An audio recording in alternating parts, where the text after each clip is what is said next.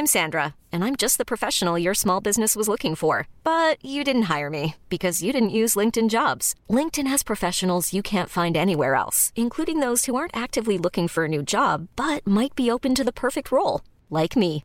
In a given month, over 70% of LinkedIn users don't visit other leading job sites. So if you're not looking on LinkedIn, you'll miss out on great candidates like Sandra. Start hiring professionals like a professional. Post your free job on linkedin.com/achieve today.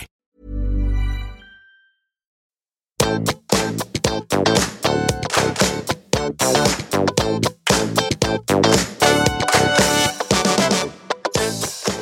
alle sammen, og velkommen tilbake til podkasten Karriereveiledning med Elaine. Med meg eh, digitalt fra Molde eh, sitter eh, en veldig fascinerende og viktig kvinne som jeg aldri har møtt, aldri har snakka med. Jeg tror hun heller ikke vet i sånn veldig stor grad hvem jeg er. Men det er ingen ringere enn Frida Maria Grande. Velkommen på podkasten. Tusen takk. Altså, du er ganske sporty, fordi jeg sendte jo deg en DM, som det heter på Instagram.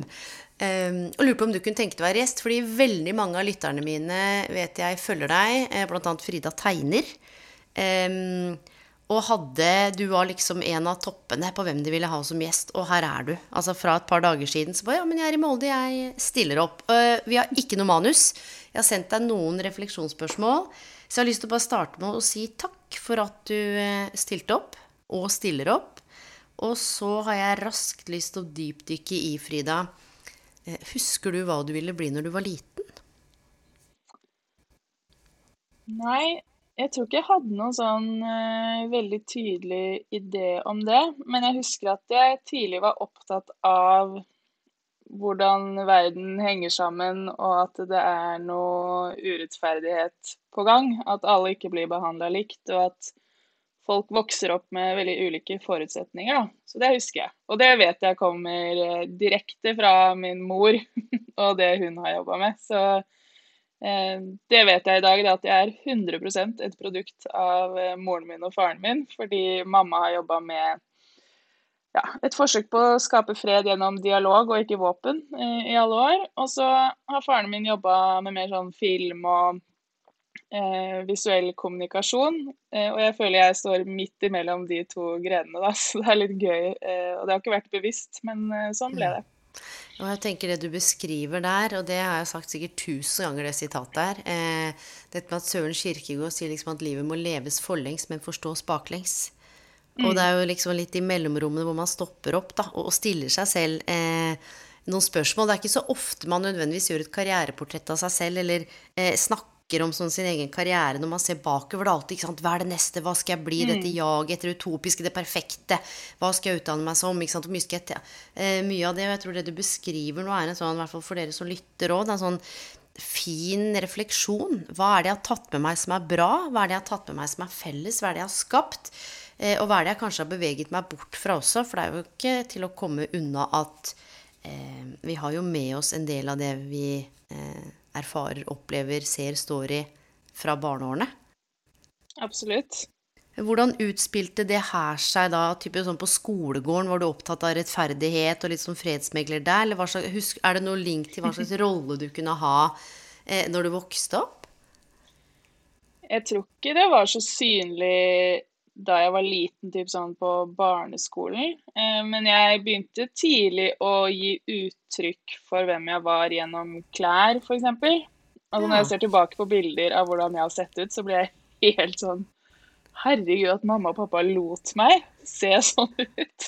Ja, kom et eksempel, da. Var det det Nei, det første hvor jeg liksom virkelig var et avvik, så husker jeg gikk med noen sånn kjempestore bukser og en sånn FBI-T-skjorte-skjorte. Og et sånn slips med en eller annen sånn derre Cartoon Network-karakter eller et eller annet sånt. Og det kommuniserte jo ikke noe standpunkt eller noe sånt, men jeg tror jeg hadde veldig behov for å skille meg ut, da, på et eller annet vis. Mm. Um, jeg vet ikke hvorfor, men det er ganske åpenbart når jeg ser tilbake at uh, det var et eller annet behov der. Men ble er det sånn, og dette er jo så, eh, også interessant, da, for hvordan hvert fall konformiteten, eller det å passe inn, eh, tar veldig mange, på, særlig på kanskje ungdomsskolen, videregående.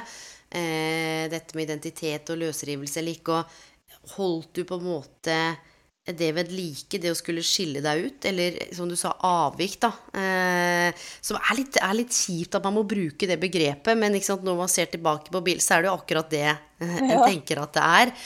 Eh, men fortsatte du med det, eller var det på noe tidspunkt hvor du blei mer like og tenkte sånn at du, jeg må Nå passer jeg ikke inn lenger, eller hva skal til for å passe inn nå? Det jeg syns er interessant, er at det har gått veldig i faser. Så det var liksom slutten av barneskolen. Og så begynte jeg i åttende klasse, og da er jo alle veldig sånn oh, Første dag på skolen, nå setter vi standarden for de tre neste årene, som føles ut som et helt liv. Så da var jeg veldig basic, holdt jeg på å si, og skulle gli inn og var mest opptatt av hva guttene tenkte om meg.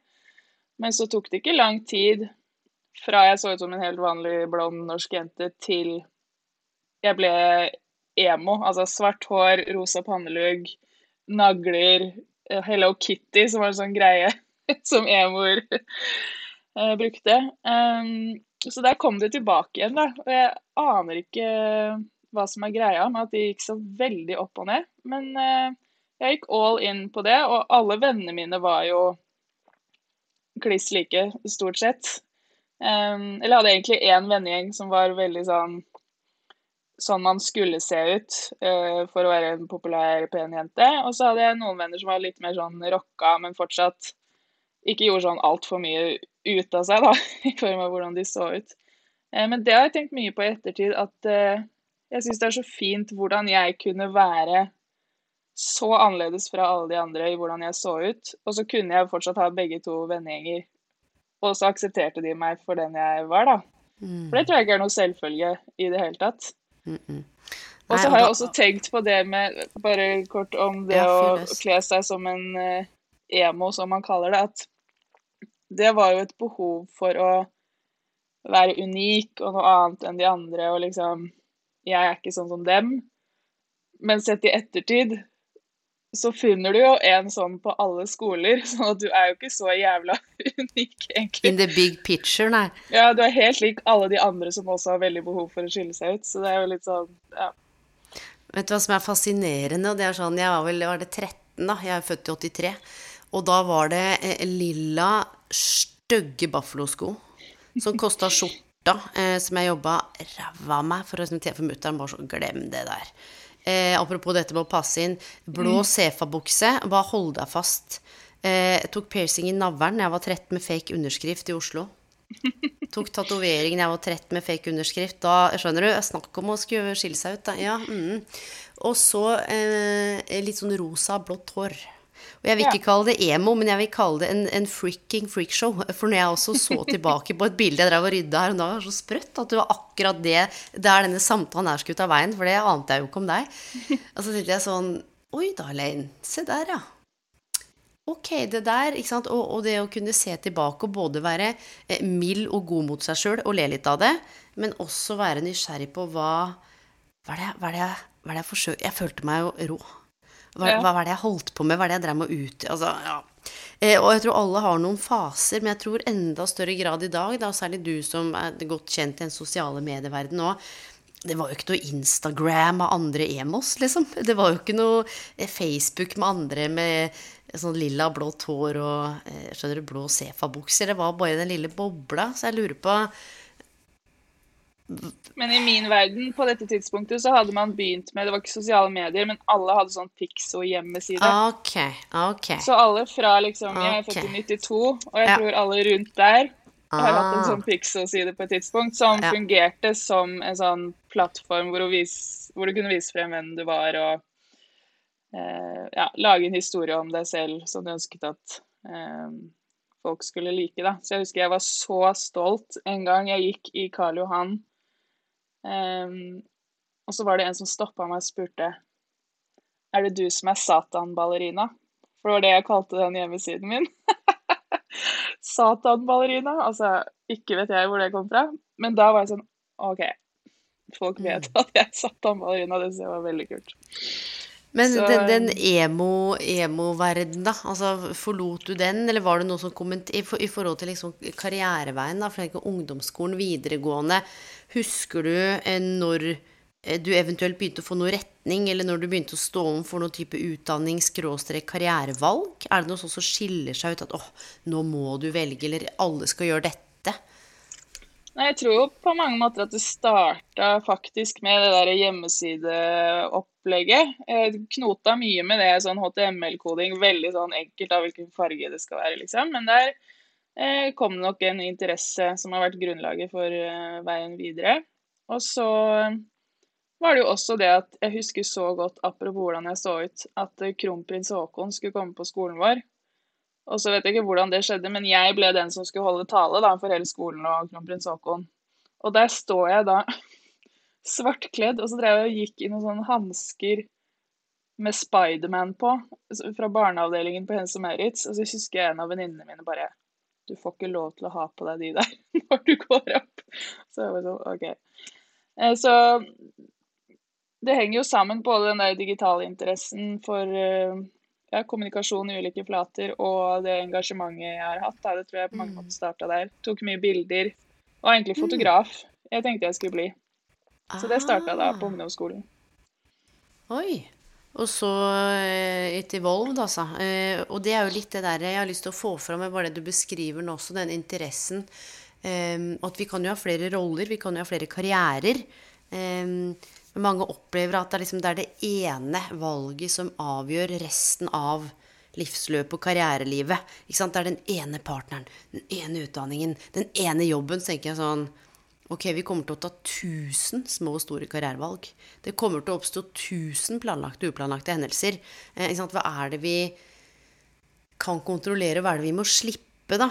Eh, og hvor ofte hodet for mange spinner inn i fremtid og ikke sant, skumle scenarioer og hva hvis ikke. Og den der sammenligningen. Jeg liker litt det du beskriver sånn men i forhold til emoen og klesstilen og dette med å tørre eh, å stå litt ut. Eh, en eller annen styrke i det der å tørre å stole på seg sjøl. Jeg vet ikke, men det er et eller annet i meg når du tenker sånn eh, sånn grunnleggende tro på at du er verdifull uavhengig av, eller i hvert fall en sånn evne til å stå i det, da. Og hvor, mm. hvor kom, kom skråstrek kommer den eh, tryggheten fra, tror du? Nei, jeg har jo hatt en fin oppvekst, da. Men sånn, det er ikke noe jeg kan sette fingeren på. Men det er jo rett og slett det at det bare ikke har vært noe Det er ingen grunner til at jeg skulle vært usikker, på en måte. Mm. Mm. Så Nei, det er vanskelig å svare på. Det mm. vet jeg ikke helt. Nei, og det er jo ikke sikkert at det er noe svar heller, men det er den refleksjonen også, fordi eh, det er litt det vi snakket om at de fleste, eller i, det er en del unge lyttere også, sånn 15-16-17, og det er noe med det å sammenligne alle andre. og det, det er, en, det én ting jeg ser gjennom det arbeidet jeg har gjort de siste ti årene, og det jeg har sagt før, den derre kunsten til å stole på seg sjøl, eller den kunsten av å, å, å, oppleve at man er av verdi uavhengig av, den har nesten blitt litt borte. Eh, så man må snakke med en karriereveileder, da. Og liksom Ja, er jeg på rett vei? Det er jo ikke min jobb å bekrefte det. Min jobb er jo å være med å utforske. Jeg kan jo ikke leve livet ditt, Frida. Du, jeg, hva, hvordan skal jeg vite hva som er riktig for deg? Hva er det vi må utforske? Hvilke perspektiver? Hva er det som gjør at noen andre må fortelle deg at dette her er riktig? Eh, jeg tror meg... man må ta litt feil, jeg, da. Jeg har tatt mange feil. Yes. Og jeg tror at hvis jeg ikke hadde gjort det, så hadde jeg ikke havna på riktig sted til slutt. Nei, og det er akkurat det. Og nå tror jeg du rammer inn noe som skaper press. Angst, uro og til og med depresjon, som jeg har jobba med. Akkurat det du sier der. Nå er det jo snart høyere, valg av høyere utdanning igjen. Det er jo ikke så lenge til det er frist for det. Eh, frykten for å velge, velge feil. Frykten for å gjøre noe feil tenker akkurat som man ikke kan ta et omvalg, eller kanskje man kan gå det året og så bytte studie, eller det er lov til å stoppe det studiet og jobbe et halvår og så begynne på noe nytt, eller kanskje man tenker at høyere utdanning ikke er noe for en i det hele tatt. Ok, mm. hvilke andre muligheter fins det? Og jeg blir litt nysgjerrig på hva, hva, hva handler det om, eller når, når blei det sånn? Hvordan har det blitt sånn? Jeg syns det er ekstremt frustrerende og provoserende at vi har havna eh, inn i en sånn spiral hvor det legges opp til ja, du må ta så mye utdannelse som mulig. Ja, ja. Eh, du må gjøre ditt, du må gjøre datt. Du må ikke det. Og det er ikke det som gjør at du blir den beste kandidaten for en jobb. At du tvinger deg gjennom noen systemer som noen andre har bestemt uh, rammene for. Jeg tenker f.eks. jeg har diskutert med mange sånn ja, når man rekrutterer eh, hva slags krav bør det være? Jeg er drittlei av at det står at du må ha master og så og så mange års erfaring, bare fordi det er det man alltid har skrevet. Jeg tenker noen ganger tvert imot. At jeg syns det er en styrke å tørre å ikke gå videre til master etter bachelor, og heller bare hoppe ut i arbeidslivet. Fordi i mine øyne så er det mer safe å bare tralte videre inn i en master enn å tørre å hive seg ut i det og risikere å drite seg ut og liksom alt det man må lære på den veien. da. Så jeg blir provosert over at utdanningssystemet har lagt opp til at du på død og liv skal videre på den masteren. For jeg tror i veldig mange tilfeller, det kommer selvfølgelig an på fagfelt, eh, men i mange tilfeller, sånn som eh, mitt fagfelt, kommunikasjon, mer enn nok med en bachelor. Det jeg er ute etter når jeg skal ansette folk, er jo bevis på at de er flinke. Jeg vil ikke se karakterkortet. altså Jeg driter i hva som skjedde på den skolen. Jeg vil se arbeidet deres, erfaringen deres. Og det kan godt være en konto i sosiale medier som de driver på fritiden. Det trenger ikke å være på vegne av et svært brand eller noe sånt. Jeg vil bare se bevis på at de er engasjert, nysgjerrig og at de kan det de sier at de kan. Du, og det er dette her ikke sant, som også skaper gjenklang hos meg. og Nå sitter jeg og jobber jo eh, utvikler tjenester ved Karrieresenteret ved Universitetet i Oslo og har karriereveiledninger der. Så jeg treffer akkurat de studentene du snakker om nå, eh, med, med, bachelor, master, doktorgrader. Eh, det du beskriver der, det er en, det er en par helt sånn klare retninger som skiller seg ut hele tiden. En del av de samme spørsmålene eller samme utfordringene. Det der er en av de. Skal jeg jobbe, eller bør jeg ta en master? Og da ble jeg så nysgjerrig på eh, Og kanskje deg som lytter òg, hvis du står overfor valg nå. Hvor er det du velger fra? Velger du fra altså frykt, som du snakker om nå, da, Frida? Tenk hvis jeg liksom jeg må ha den masteren, hvis ikke så får jeg ikke jobb. Ok, ja, men Da er jo valget tatt, tatt basert på frykt. Men hva, hva, er det du vil til? Hva er det du skal få ut av det? Hva slags eh, erfaring ønsker du? Hvem kan du bli på veien? Hvordan kan du utvikle deg? Eh, hva kan du lære, og hvordan kan du ta med deg det og bygge den broa over til ok, dette kan jeg bruke inn i, i jobben hos Frida. Eh, og der mm. Velger man fra frykt, eller velger man fra et ønske om å bevege seg til noe? Og det der, når man forstår at Skeis, jeg velger fra frykt. Jeg er redd for at hvis ikke jeg tar en master, og her kommer det, så er jeg ikke nok. Så er jeg ikke verdig. Det går igjen gang på gang på gang på gang. Og dette er ressurssterke, oppegående mennesker som har kommet seg gjennom eh, en bachelorgrad ved et av de største universitetene i eh, Norge. Mm. Allikevel så opplever man at man ikke er en ressurs, så man må fylle på og fylle på og fylle på. Og hun ene, hun sa det eh, Jeg får lov til å snakke om det i podkasten uten å nevne navn. Hun sa det sånn Jeg hater bacheloren min også. Ja. Å ja. Så sa jeg så skal du på en master. Ok, ok. Og så skal du jobbe med noe du ikke liker. Ja, ja. Eh, spennende. Hvordan, ikke sant? Hvordan har det kommet dit? Og jeg, Det er ikke det at jeg ikke er for en utdanning, men jeg er også for yrkesfaglig utdanning. Jeg tok en mastergrad i en alder av 34. Da satt jeg meg på skolebenken og tok master i karriereveiledning deltid. Da hadde jeg gått ut i 2007 i pedagogikk. Og jeg har jobba praksis i innland og utland, og bare alle knaggene bare bikka på plass. Altså, det er nettopp det. Ten years later.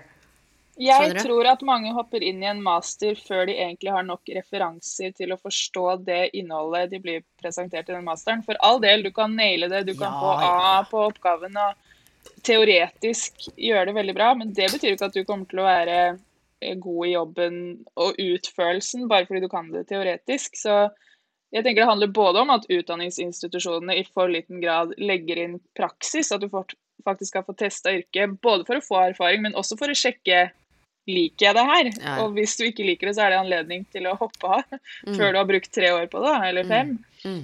Eh, og så er det også arbeidsgivere som legger ut stillingsutlysninger med disse idiotiske kravene om, eh, om erfaring, om utdannelse og alle mulige oppgaver du skal håndtere i den jobben som ikke er realistisk å få til i én stilling, mm. som gjør at folk blir livredde. Og det skjønner jeg, men man må bare gi faen i alle de kravene som står der tørre å tro på at man er eh, en god ressurs, og bare vite at det de ber om, det er ikke realistisk. Så ikke tenk at det er du som ikke er, er god, god nok. nok. Det er arbeidsgiverne yes. som ikke er gode nok til å definere hva slags kompetanse de trenger. Og det der er også Jeg har jobbet mye med utbrenthet. Jeg har holdt på med dette her i ti år i ulike former og fasonger. Med, med ja, mennesker som har stått så langt utenfor arbeid det nesten er umulig å tenke seg, til sant, toppdirektør, studenter, altså hele pakka.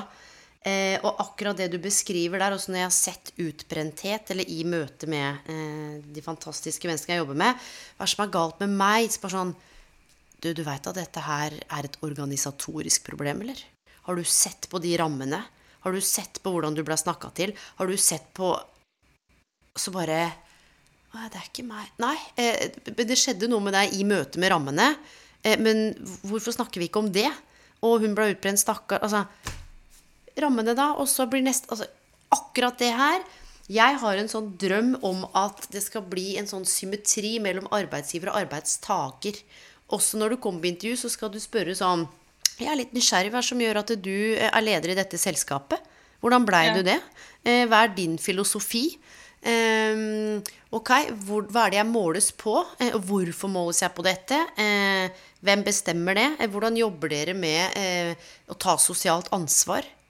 Hva, hva, er det etiske Altså det å Uten å være frekk, sånn der, hva er det? men mer enn den Du, nå har dere stilt meg 104 spørsmål, og det er hyggelig å bli kjent, men nå lurer jeg på en ting. hva er det dere vekt... Det, når vi kommer dit, og også Det er noen steder nå, et par Jeg lurer på Var det det er en ganske stor bedrift. Jeg skal ikke si navnet i tilfelle jeg bommer. Jeg er ganske sikker på at det er den bedriften. Der eh, vil de ikke ha inn CV og søknad lenger. Der har de lagt ut utlysningen, og så er det fem spørsmål de stiller. Hva er det som gjør at du opplever at du er relevant for stillingen? Ja. Eh, noe sånt som hvordan kan du bidra, hva er motivasjonen din?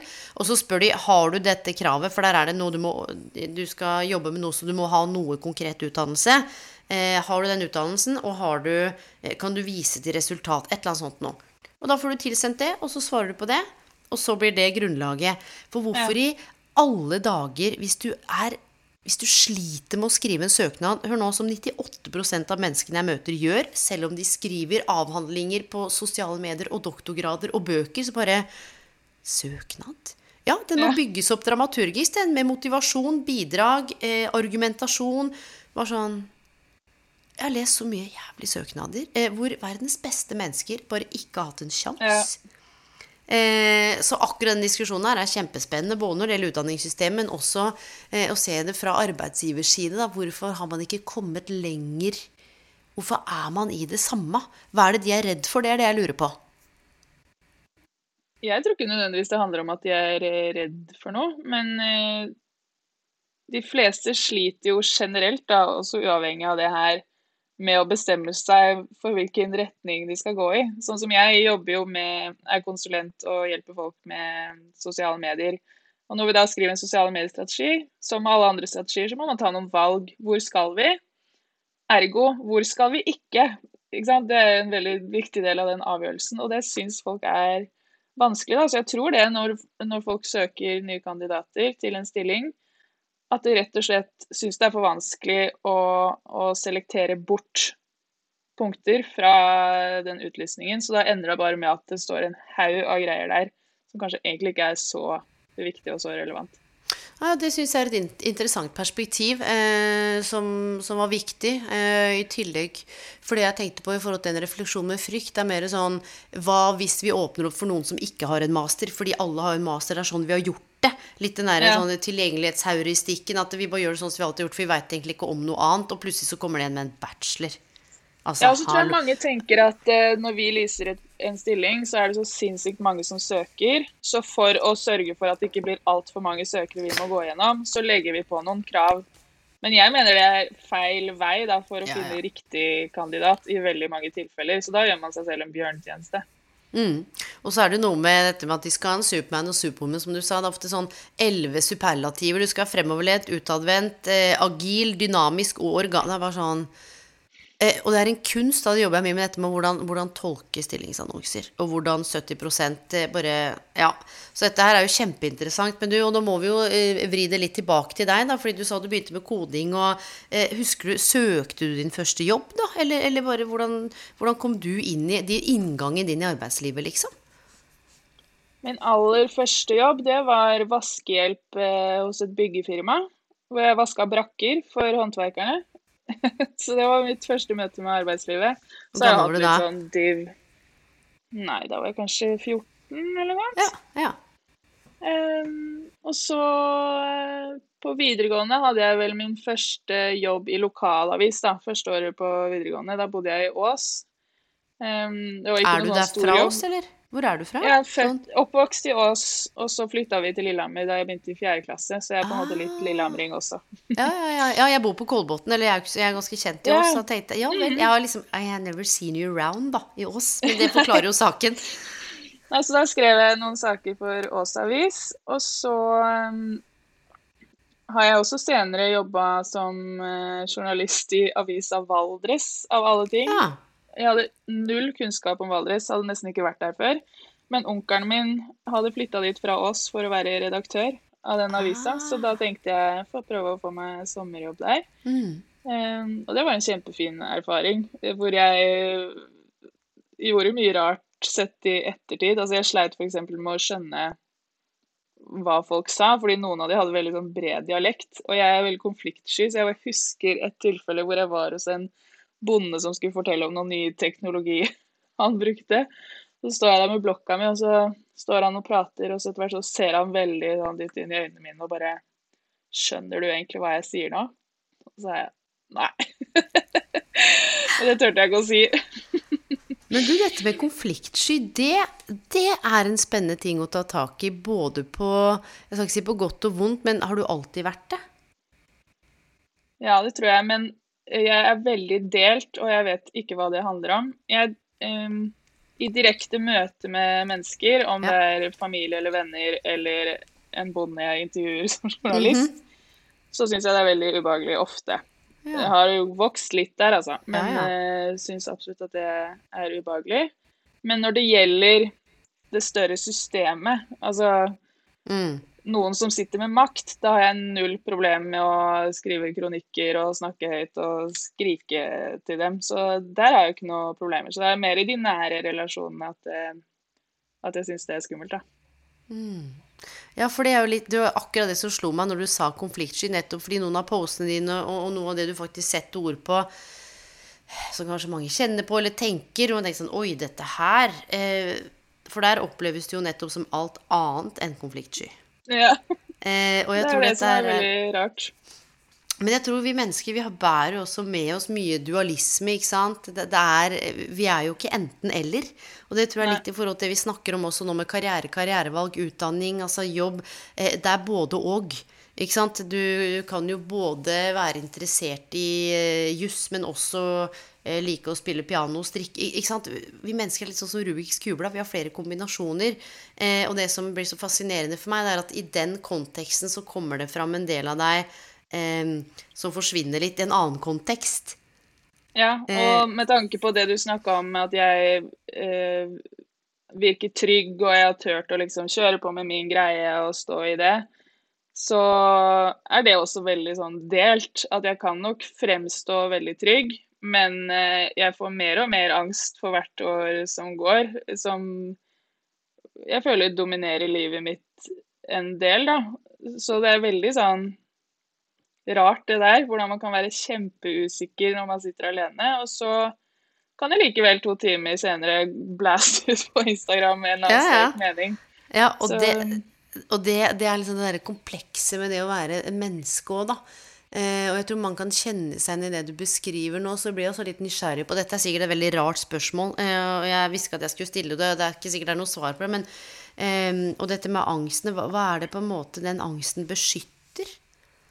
For jeg tror mange kan si sånn Ja, men angst, selvsabotasje, og ved selvsaboterende ødela jeg det forholdet, så ødela jeg den jobben, eller nå kommer angsten. Men hva og nå har jo ikke du sagt ordet selvsabotasje. Eh, mange bruker det i forhold til når man ødelegger for seg sjøl, det kommer litt kjipe tanker, eller Og så blir jeg så nysgjerrig på hva, hva er det den angsten beskytter, liksom? Det var en interessant måte å stille spørsmålet på, fordi hva det beskytter, det vet jeg ikke. Men altså for min del så handler det om at jeg er livredd for hvordan folk oppfatter meg, da. Mm, kanskje, men der, at det er en link der. Ja, og det, ikke sant, når noen syns at du er teit, hva skjer med deg da, eller hva gjør det med deg? At den angsten beskytter det. Eh, det er akkurat som om eh, det er, litt, sånn, det er en del av deg som blir beskytta, da. Eller som kan bli Jeg sier ikke at det er sånn, men det var det, det, var det som dukka opp eh, når du sa det. Nettopp fordi det er den dualismen, og så er det de ulike kontekstene, og så kommer den angsten mer og mer. tenker jeg sånn hva skal den beskytte deg mot? For du blir jo mer og mer synlig, du blir mer og mer eksponert. Det er flere og flere som veit deg mer og mer tilbake, mer og mer skal mene noen ting om deg. Og da eh, er det noe sånt behov for å Ja, hvis man tenker instinkt, så er det jo kanskje det å slutte å ta så mye risiko som man kanskje kan si at det er, da. For at noen vil halshugge deg og eh, si at det du driver med er feil, eller Men det trenger ikke for min del å handle om, om meningene mine. Det er jeg egentlig ikke så bekymra for. Altså, jeg kan stå på en scene og snakke til 200 000 mennesker, liksom. Men hva mine nærmeste syns om det jeg sier til veldig mange mennesker, det er det jeg bryr meg om. Eller bare i nære relasjoner som venner eller Eh, med kjæreste eller familie hva de syns om meg liksom? som menneske helt grunnleggende, liksom. Har, har, du spurt? Har du spurt dem? Ja, jeg føler de siste åra faktisk at jeg har gått mer og mer inn i det.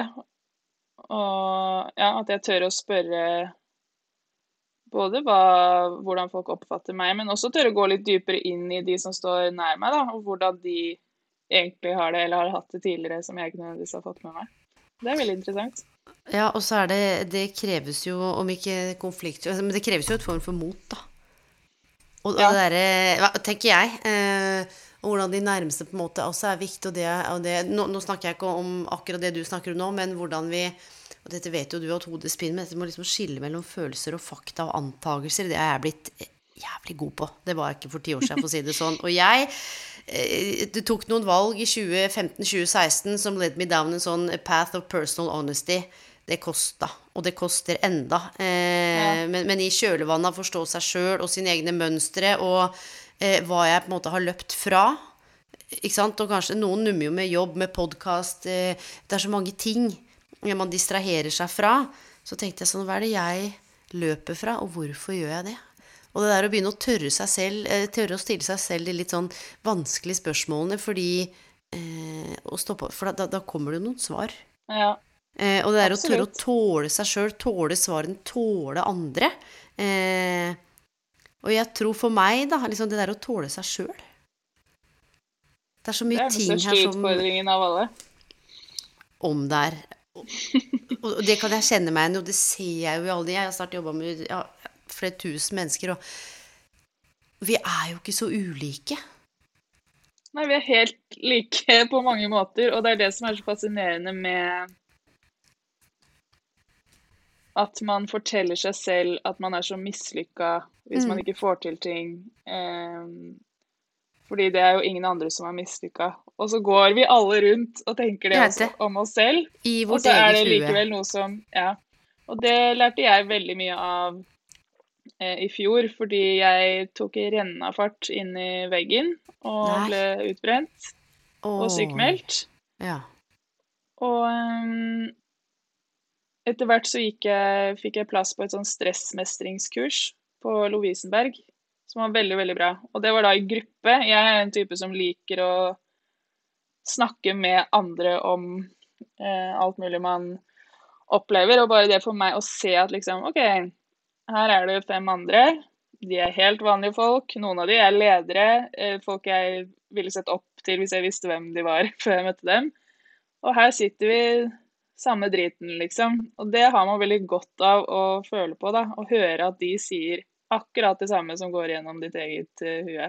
Vi er mm. ikke så unike som vi tror vi er. Nei, og så skaper vi så mye styr oppi vårt eget hode, og jeg tror eh, både i forhold til karrierereise og livet generelt, da, Um, og jeg er jo veldig for åpenhet, eh, definitivt. Og så er det noe med jeg, er litt sånn, jeg skal ikke si influenseparadokset, men hvordan vi både kan bli inspirert da, av å følge med på den andre, men også totalt nedbrutt eh, med andres ja. karriere og andres liv. Og eh, med en sånn forlengelse av det, så lurer jeg på Husker du liksom tilbake, eller kanskje det har vært nå, hva, har, hva er liksom det verste karriererådet du har fått? Er det noe hvor du tenkte sånn Wow, hadde jeg fulgt det rådet der, da hadde jeg vært, eh, da hadde jeg vært kjørt. Kanskje ikke karriereråd direkte, men det første veldig dårlige rådet jeg fikk, ja. som jeg likevel har tenkt i ettertid at var greit at skjedde, da. Eh, okay. fordi historien utspilte seg som den gjorde, det var på ungdomsskolen med den karriere... Eller ikke karriere, utdanningsveilederen, eller hva det heter. Man mm. er der. Og nå man er jeg spent, ass. videregående. Ja. Jeg var jo veldig opptatt av typ media og alt visuelt, kommunikasjon, den type ting. Og så snakka jeg nå med denne rådgiveren, og hun sa at eh, nei, du må ikke finne på å gå på media og kommunikasjon, for da får du ikke eh, Hva heter det? Studiekompetanse. Og det er jo ikke sant, du må bare ta litt ekstra Ja, ja. fag, og så går jo det helt fint. Så jeg endte opp med å gå en linje si som var allmennfag med eh, kunst. Så det var, det var allmennfag, men du fikk ikke valgt noen eh, sånne selvvalgte fag fordi alt det skulle være kunst, og det var noen ekstratimer i uka og noe greier. Og det var jo helt fullstendig krise. Altså, jeg passa ikke inn der i det hele tatt.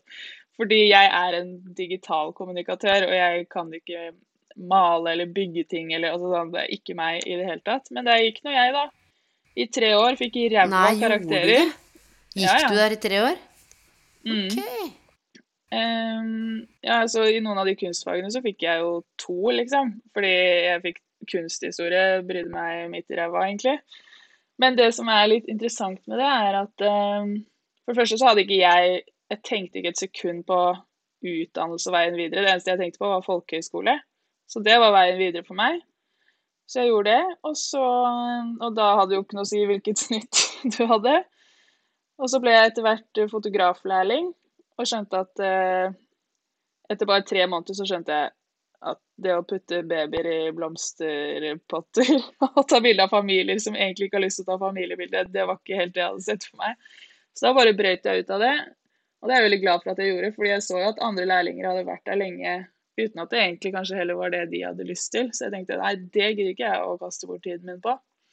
Og så endte jeg til slutt da på den bacheloren jeg tok innen PR og kommunikasjon, og der er jo det offentlige tilbudet i, i Volda. Og det er den eneste, i hvert fall på det tidspunktet så var det det eneste offentlige tilbudet. Men jeg hadde jo så dårlige karakterer at jeg kom jo ikke inn der. Så da begynte jeg på Høgskolen Kristiania, tidligere Markedshøgskolen. Og det er jeg faktisk skikkelig glad for. Nå etter det, jeg er glad for at jeg hadde såpass dårlige karakterer at jeg ikke kom inn i Volda, fordi jeg skal ikke snakke ned Volda, altså jeg aner ikke hvordan det er nå, men jeg så veldig stor verdi i at foreleserne mine på Høgskolen Kristiania jobba ved siden av eh, forelesningsjobben, så de kunne snakke om helt ferske caser fra bransjen, de var oppdatert. Og jeg hadde ikke minst mulighet til å ta deltidsjobber og internships og sånn hos masse forskjellige bedrifter, som gjorde at jeg eh, fikk eh, praktisk erfaring veldig tidlig, da. Um, og det hadde ikke vært like store muligheter for i Volda, naturligvis. Så et helt feil valg på videregående og drit dårlige karakterer har faktisk vært viktig, tror jeg, for at jeg skulle havne på riktig sted til slutt.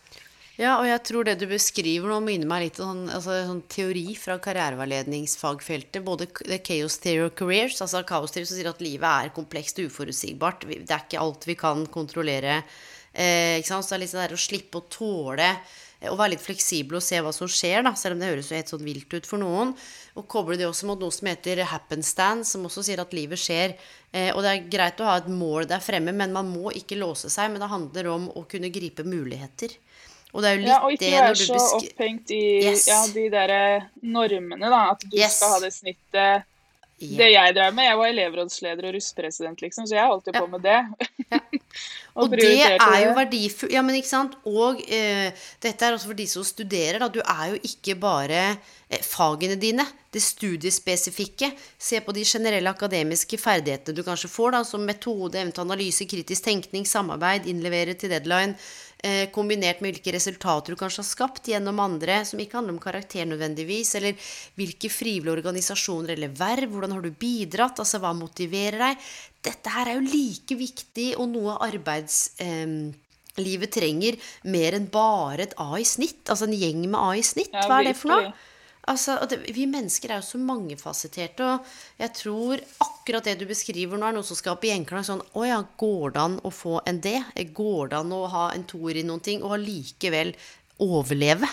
Det, det, for det møter jeg på hele tida. Sånn, «Øh!» og det Det kan jeg bare si rett ut at uh, ja, Jeg driver jo Jeg starta et nytt firma for uh, noen uker siden, faktisk, eh, og skal rekruttere folk. Og jeg vil heller ha en med C i snitt og mye erfaring fra verv, litt sånn småjobber her og der, uh, og som tilsier at du har et ekte engasjement for faget, enn en som har straight Ace og ikke har noe erfaring ved siden av. Jeg hadde lett mm. tatt C-studenten. Uten tvil. Du, og jeg er helt enig. Og jeg er jo rekruttert i mange år, og da Jeg tror aldri jeg har sett karakterene til noen, jeg. Eh, og etter jeg hadde sett CV-en, eh, liksom da de kom på intervju, så bare la jeg bort CV-en. Og så kjente jeg sånn eh, Fortalte litt om selskapet, for at folk var nervøse, roa de ned, ikke sant, dette kommer til å gå fint. Og så bare Kanskje jeg begynte på noe helt annet enn sånn Hvorfor sitter du her i dag? Det var mer sånn ja. Du, jeg fikk med at du hadde hund, liksom. Hvorfor det? Nei, jo, men da kommer det sånn Hæ? Nei, du skjønner, jeg gikk gjennom en tøff tid for fire år siden, eh, og da fikk jeg hund, og så bare Ok, skjønner du? Det derre ja. Jeg skal jo ansette, 24, et, ansette en 24-timersmenneske. Det betyr ikke at jeg vil ha noen på jobb hele tiden. For det er også sånne vars, varsellamper når folk sier sånn Å, jeg bare elsker stress og press. Da tenker jeg sånn Å ja. 24 timer i døgnet. Da ringer varsellampene mine. ikke sant? Dette med work-life balance. Hvor er det du henter energi? Det er sånne mm. ting jeg mm. kan spørre om. Eh, ja, så jeg har helt sånne rare spørsmål. Fordi jeg, det er ikke, jeg liker ikke å sette ut folk. Men jeg kjeder meg når jeg må forholde meg til maler og regler. Da blir jeg litt sånn ja. Selv på masteren i karriereveiledning så prøvde jeg å endre den ene malen på arbeidskravet. Eh, og etter andre gang så sa han sånn eh, du må nesten forholde deg til de rammene her. Så kjente jeg sånn ja. ja. Men hvis altså Nei, nå, nå har vi strukket strikken. Eh, nå må du Ja, så det sitter litt langt inne for meg å forholde meg til ja, som sier makt og autoriteter. Jeg er, egentlig har vært og er en rebell. Eh, så jeg liker litt det jeg hører. Og dette her er jo det som er livet, Frida. Det er jo ikke noe jævla rett strek, og det veit vi. Men da blir jeg også nysgjerrig på hva er det beste karriererådet eller karrieretipset du har fått, da? Hmm. Jeg kan liksom ikke huske at jeg har fått så mange karriereråd, egentlig. Men uh, jeg har fått bekrefta mye, da. At det, de initiativene jeg har tatt, og det jeg har holdt på med siden liksom Ja, helt i starten av studiet nå, før det for så vidt blir sett på som positivt, da. Så det har vel gitt meg selvtilliten til å fortsette, selv om jeg har vært redd for hva alle andre skal synes om at jeg tar plass. Fordi janteloven i Norge, den er så sterkt. Du og Frida, jeg skal si deg en ting. Jeg prater jo flytende spansk. Elsker Spania. Jeg tror at jeg er født i helt feil land. Eh, jeg er jo sånn Døra er åpen, kom hit, her er det barbecue, trenger du å sove på sofaen? Altså, hvordan kan jeg bidra? Shit, ok, du mangler en tier. Kom her, sett deg ved siden av meg på bussen. Jeg er jo sånn. Eh, og liker å klemme eller må Men den derre For alle skal med, liksom.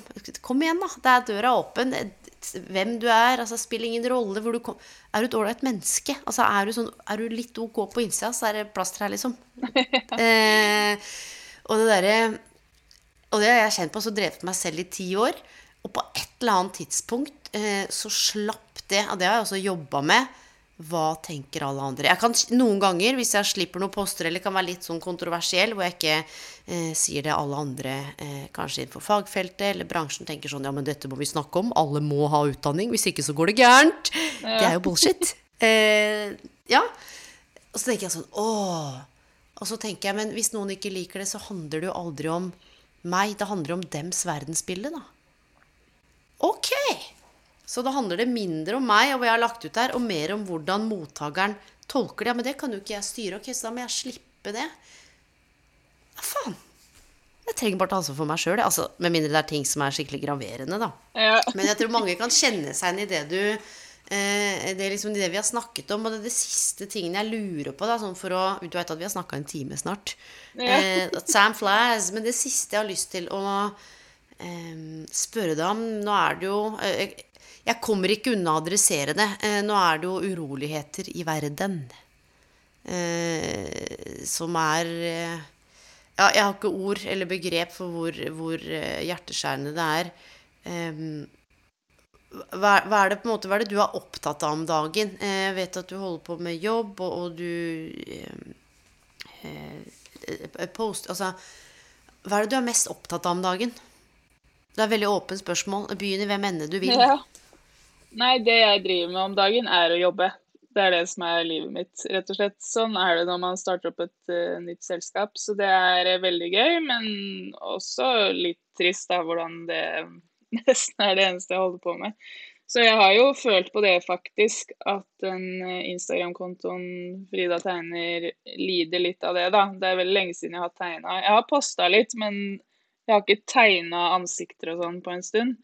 Så um, det er litt kjedelig. Og det er et mål for meg at det skal jeg ha tid til ved siden av jobb. Fordi jeg tror at for at jeg skal være en god konsulent som er kreativ og, og gir kundene mine de beste rådene, så må jeg trene den kreative muskelen med mine egne prosjekter. Da. Så det er jeg veldig opptatt av at jeg skal få til.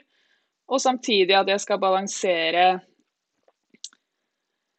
eh, Eller være bevisst på hvorfor jeg gjør det jeg gjør. Fordi Frida Tegner starta da jeg var sykemeldt. Kjøpte meg en iPad trengte en eller annen hobby.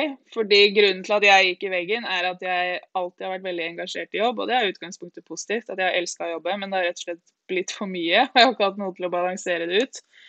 Så det var derfor jeg begynte med tegnegreiene. Og så endte jo det Jeg hadde ikke noe plan med det, men det endte jo med å bli det det har blitt, som noen ganger har endt opp med å være en dårlig samvittighet. da, Enda en dårlig samvittighet. Sånn å nei, nå burde jeg gjort sånn og sånn på den kontoen. Og det var jo ikke det det skulle være. Eh, men jeg har i hvert fall satt en strek på at jeg jeg skal gjøre det jeg har lyst til, eh, og jeg skal ikke ta masse bestillinger på andre som vil ha tegninger, fordi jeg har fått mye henvendelser, men det gir meg ikke så mye, da. Så jeg vil bruke den plattformen til å snakke om temaer jeg er opptatt av. Og for meg så har det vært veldig fint, fordi jeg var jo sosiale medier-ansvarlig i Amnesty litt over tre år, og snakka jo da til mange tusen mennesker gjennom deres kanaler. Og da jeg valgte å si opp den jobben, selv om det var drømmejobben som jeg trodde jeg skulle jobbe i resten av livet, så var det veldig godt at jeg hadde så vidt bygd opp denne kanalen som jeg kunne fortsette å snakke gjennom, da. For jeg tror det hadde blitt veldig tomt for meg å ikke lenger ha en sånn plattform, fordi de kundene jeg hjelper nå, er det jo mer rådgivning og sånn, og det er veldig mange kunder på en gang, versus at jeg kun jobba med Amnesty før. Så det oppleves veldig verdifullt å ha en plattform som er min egen, og jeg blir veldig sånn rørt noen ganger over den dialogen jeg har med folk som sender meldinger, og folk er så åpne og fine og eh, Ja, det er en veldig sånn positiv opplevelse. Og så har det skjedd så fort. Jeg har ikke helt rukket å skjønne hva som har skjedd.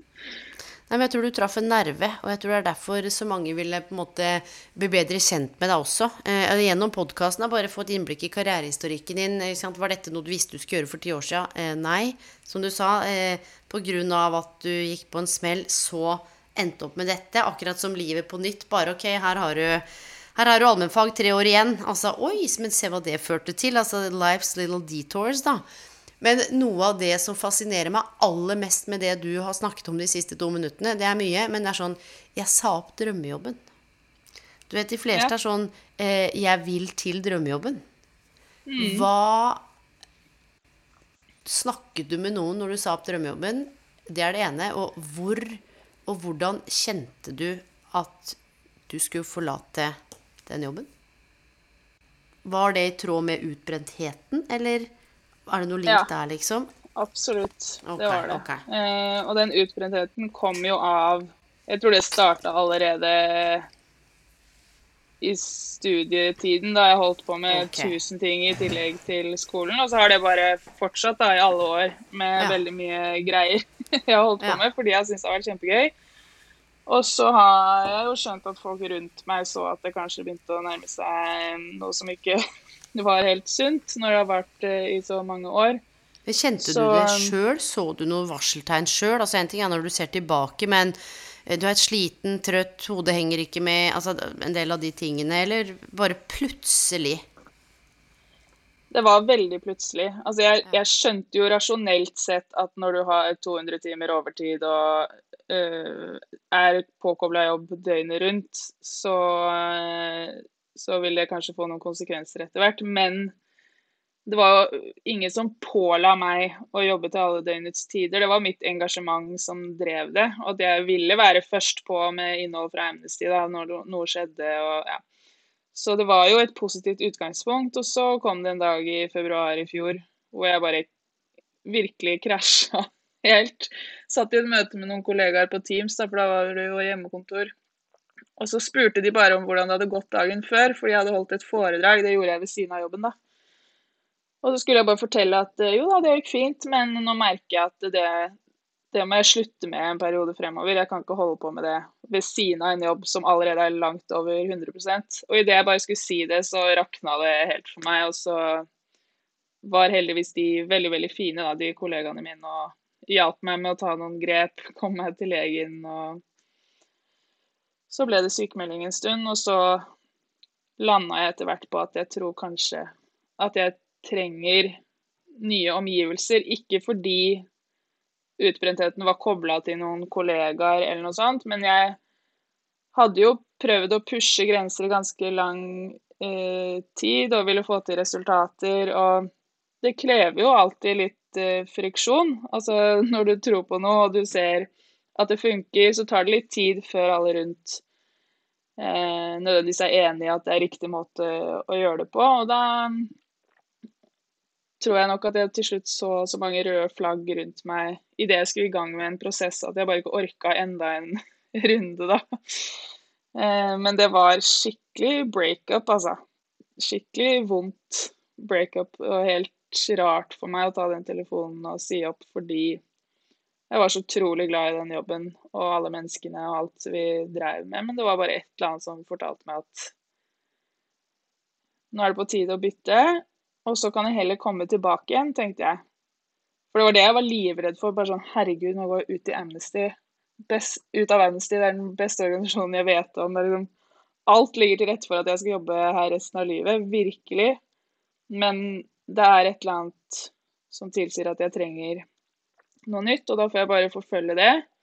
Og så har jo jeg bare gode relasjoner der, så jeg prøvde å trygge meg selv med at eh, hvis det føles feil, da, hvis jeg angrer i etterkant, så er det ikke umulig å komme tilbake. Og det er jo sant. Det er jo ikke sånn at når man sier opp en jobb, så er det umulig å komme tilbake. Jeg vet om flere som ja, ja, ja. faktisk går tilbake ganske raskt fordi det viste seg at det valget de tok, var feil. Og hvis du da har vært en god ressurs, så vil en ryddig måte også. å Ja. Det, er akkurat det der. Eh, det er å brenne broer, og det er noe som heter sånn The Great Shuffle òg. Eh, man slutter på en måte ikke en jobb, man begynner i noe annet, da. Eh, ja. Eller kanskje man tar, eh, eh, tar en liten pustepause, sånn som du gjorde. Og jeg tenker at eh, Vi er jo bare mennesker. Eh, og det hører vi ofte. Vi er bare mennesker med å ta det med ro og gå ut i naturen og Eh, men jeg tror det der med Og jeg kan snakke for meg sjøl. Nå snakker jeg bare for meg. Eh, jeg jobba jo som leder i mange år, og sånn i begynnelsen der Da var jeg vel 5-26. Ja. Altså eh, stress, adrenalin Du veit My veins pumping, nye ideer, kreativitet, svære team, ansvar for alle karriereveiledningskursene i Norge, ansvar for masse mellomledere Det var my drug of choice. Eh, det var som, som, om jeg bare lå på sjukehuset og ble pumpa intravenøst med adrenalin. Jeg klarte nesten ikke landa, så skjønner du. Og dette har jeg snakka om før, til jeg sendte ut en e-post. Det var litt viktig. Sendte ut noe greier. Og en tobarnsmor som er bare så nydelig, svarer meg sånn ti over elleve på kvelden og bare Ja, det går bra, det. Jeg kan ordne det i morgen. Så kjente jeg sånn Hvorfor sitter du på nå? Ja. Mm. Og så sa hun nei. Så tenkte jeg fy faen, Elaine. Er dette kulturen du skaper? At hvis du logger på eller er på og svarer kjapt, da er du av signifikans. Da er du inn.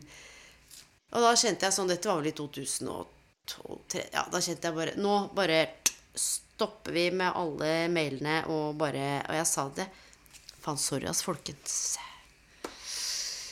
Det var lærepenge. Det traff meg så innmari. Um, ja. Men hvordan Og jeg har jobba 17 timer. Jeg bor på, måtte reise inn til Oslo før køen halv seks. Hjem igjen etter køen klokka åtte og bare fortsatte. Ja. Det var en form for flukt også. For meg. Masse engasjement. Elska jobben. Men det var også noen deler av meg som eh, kjente sånn Bloom, skaff deg en work-life balance. Eh, og det har vært så jæskla spennende å, å møte meg sjøl i historier og møte andre i min Altså eh, igjen da tilbake til det vi snakker om, vi er ikke så ulike. Vi nummer, de fleste av oss. Vi har de samme fryktene for ikke være nok, ikke være verdig, ikke passe inn, bli avvist, ikke føle tilhørighet. Eh, vi presterer, vi kobler ting opp mot identiteten vår, hvem vi er, hva vi kan eh, Som ikke alltid liksom er vårt, da. Men vi gjør det til vårt Ja. uten at vi veit Og det å begynne å rydde bort, skrelle av, mestre stress, tåle seg sjøl, sette grenser. Ja. Men det jeg Eh, også bare ja. syns er viktig å si i den sammenhengen her, som jeg tenkte på når du snakka nå, at eh, litt av grunnen til at jeg bytta også, var at jeg begynte å føle at jeg kanskje var litt for komfortabel i jobben. Mm. Sånn Nå har jeg funnet ut av det, dette funker, nå bare tralte vi av gårde med dette. Og da Ja. tenkte jeg det er litt for tidlig eh, at jeg er så komfortabel nå. Jeg har masse mer å lære. Og jeg må tørre å komme meg ut av komfortsonen og inn et annet sted for å lære det, tror jeg. Fordi noe som provoserer meg, er folk som sitter i jobbene sine i år etter år og eh, gnåler og syter over at ingenting eh, fungerer og at eh, alt er så feil. Så tenker jeg ja, men så kom deg ut derfra, da. Det er jo ditt eget ansvar. Hvis du virkelig mener at det ikke er noe håp og at det aldri blir bedre, så må du ta ansvar for din egen lykke og finne deg en ny jobb, tenker jeg. Og jeg tror også, men i det eh, Kall det gnålet, da, eller det, ikke sant. Det er flere ting. Det er den frykten for hvor ellers skal jeg bruke Ja. kompetansen min? Hvem andre er det som har behov for meg? Eh, hvordan, hvordan, vet du hva folk sliter med også i stor grad? Nå sier jeg folk, så er veldig generaliserende og dårlig, dårlig språkbruk. Men å sette ord på kompetansen sin. Hva er motivasjonen min? Hva kan jeg bidra med? Hvilke verdier har jeg? Hva, hva, hva får du, da? Hvis du ansetter meg. Og den frykten der, så, og så sier man ofte sånn Nei, men jeg er opptatt av trygghet, jeg. Så sier jeg sånn Nei, du er ikke det. Du er dritredd for å put yourself out there, og så får du 17 avslag, så får du en bekreftelse på at du suger. Altså, skjønner du? Og så blir det sånn selvforsterkende. ja. Så det er det ene. Og det andre er sånn eh, Man blir også viktig. Det er noe som heter han eh, emotional discharge. Å, fy faen, jeg er så jævlig lei jobben, Frida. Bare, øh, at jeg bare opp, altså, Relasjonen vår har blitt sånn at jeg gulper opp og spyr, og du tar imot, og så gulper du og spyr, og så er det der vi har tilhørighet gjennom sånn wounding. Ikke sant? Gjennom at vi begge har det shitty. Eh, har jeg tenkt det har jeg så mye så på. mange ganger. Og så tenker jeg sånn Bare zip it. Altså Enten så må vi snakke noe konstruktivt Folk skal få lov til å tømme, det er jo ikke det. Men eh, når det blir null konstruktivt, og det er det samme relasjonelle eh, som går inn i en relasjon, så tenker jeg sånn Hva er det jeg bidrar med innen denne rollen her? Jo, jeg bidrar til å opprettholde de oppgulpa her. Stopp. Sette grenser. Så, det er, det er så dette her er interessant Og dette kunne vi ha snakka om i, i ja, flere timer. Men du, eh, nå har vi snakket straks en eh, time, 00.57. Jeg veit du skal ha viktig foredrag i morgen. Helt avslutningsvis, selv om jeg sa helt avslutningsvis i stad, så bare gjør jeg det en gang til, for jeg I'm a rebel without a cause. Em, hva er det du ønsker at lytterne skal ta med seg, sitte igjen med? Eh, Er det én refleksjon, noe tips, et eller annet hvor du tenker sånn eh, Kjære lytter, liksom dette her Dette ønsker jeg at du skal bare tygge på og reflektere over. Og det er open mic, altså. aller, jeg tror det aller viktigste er det å, å ikke la seg begrense av hvordan du tror alle andre vil, eh, vil tolke eh, handlinger du gjør. F.eks. det der med å, å si opp en jobb da, etter bare ett år. Så tenker man å nei, det kommer ikke til å se bra ut på CV-en og hvis man bytter mye. og For all del bytter du liksom ti ganger i løpet av tre år, så ser det litt eh, rart ut. Men hvis magefølelsen din sier at det er det riktige for deg, så må du virkelig bare gjøre det. Altså, jeg fikk en fast jobb rett etter studiene, og det er jo noe samfunnet tenker at å, kjempebra, fast jobb med en gang.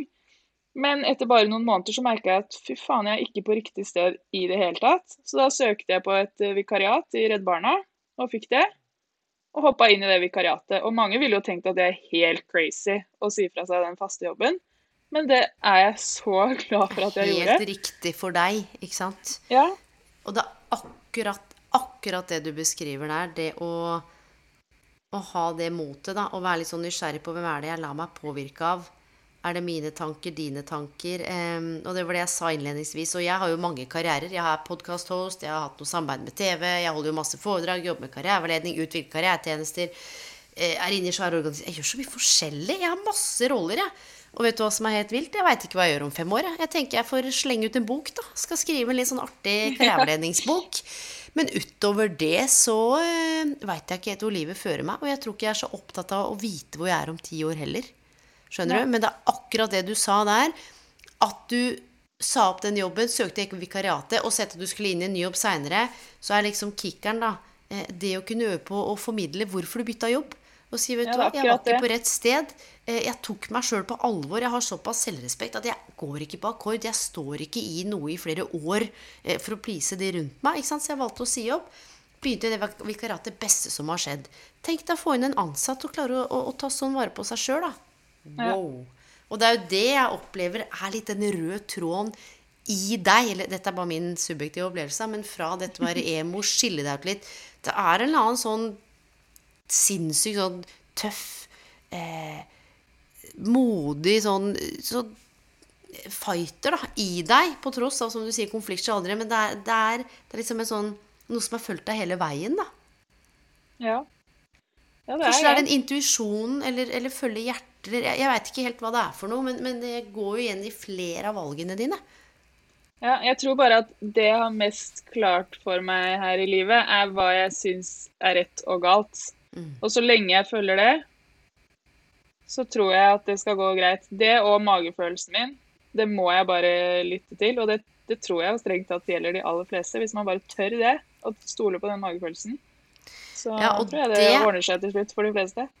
Men det er jo det som er utfordrende. Jeg hadde jo DNB-Silje, eh, hun som har vært på Luksusfellen, hun var jo gjest på podkasten for et par uker siden.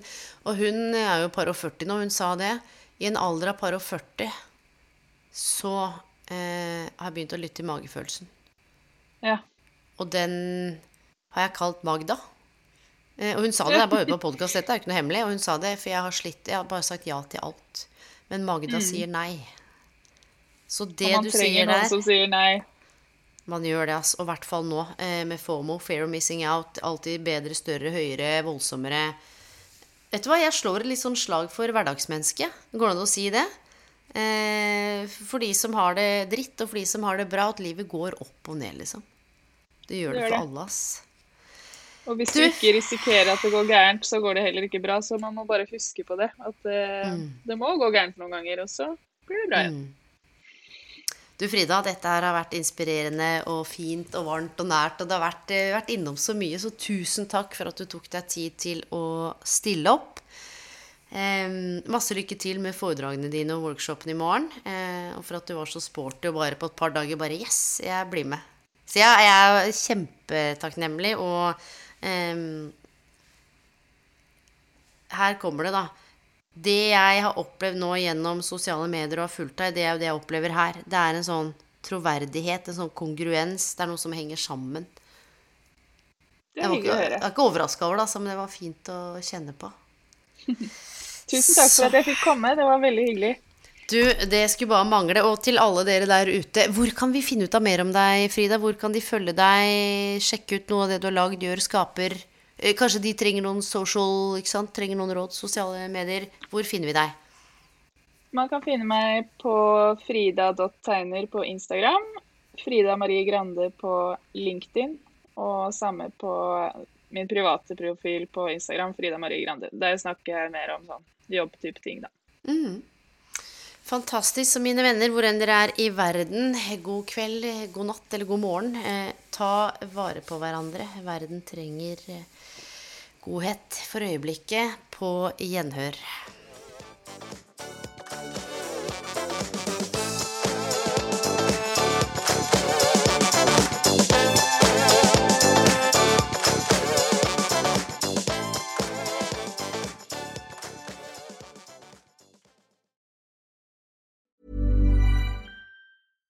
My business used to be weighed down by the complexities of in person payments. Then, Tap to Pay on iPhone and Stripe came along and changed everything. With Tap to Pay on iPhone and Stripe, I streamlined my payment process effortlessly. Now I can accept in person, contactless payments right from my iPhone. No extra hardware required. What's truly remarkable is how I can cater to all of my customers' payment preferences.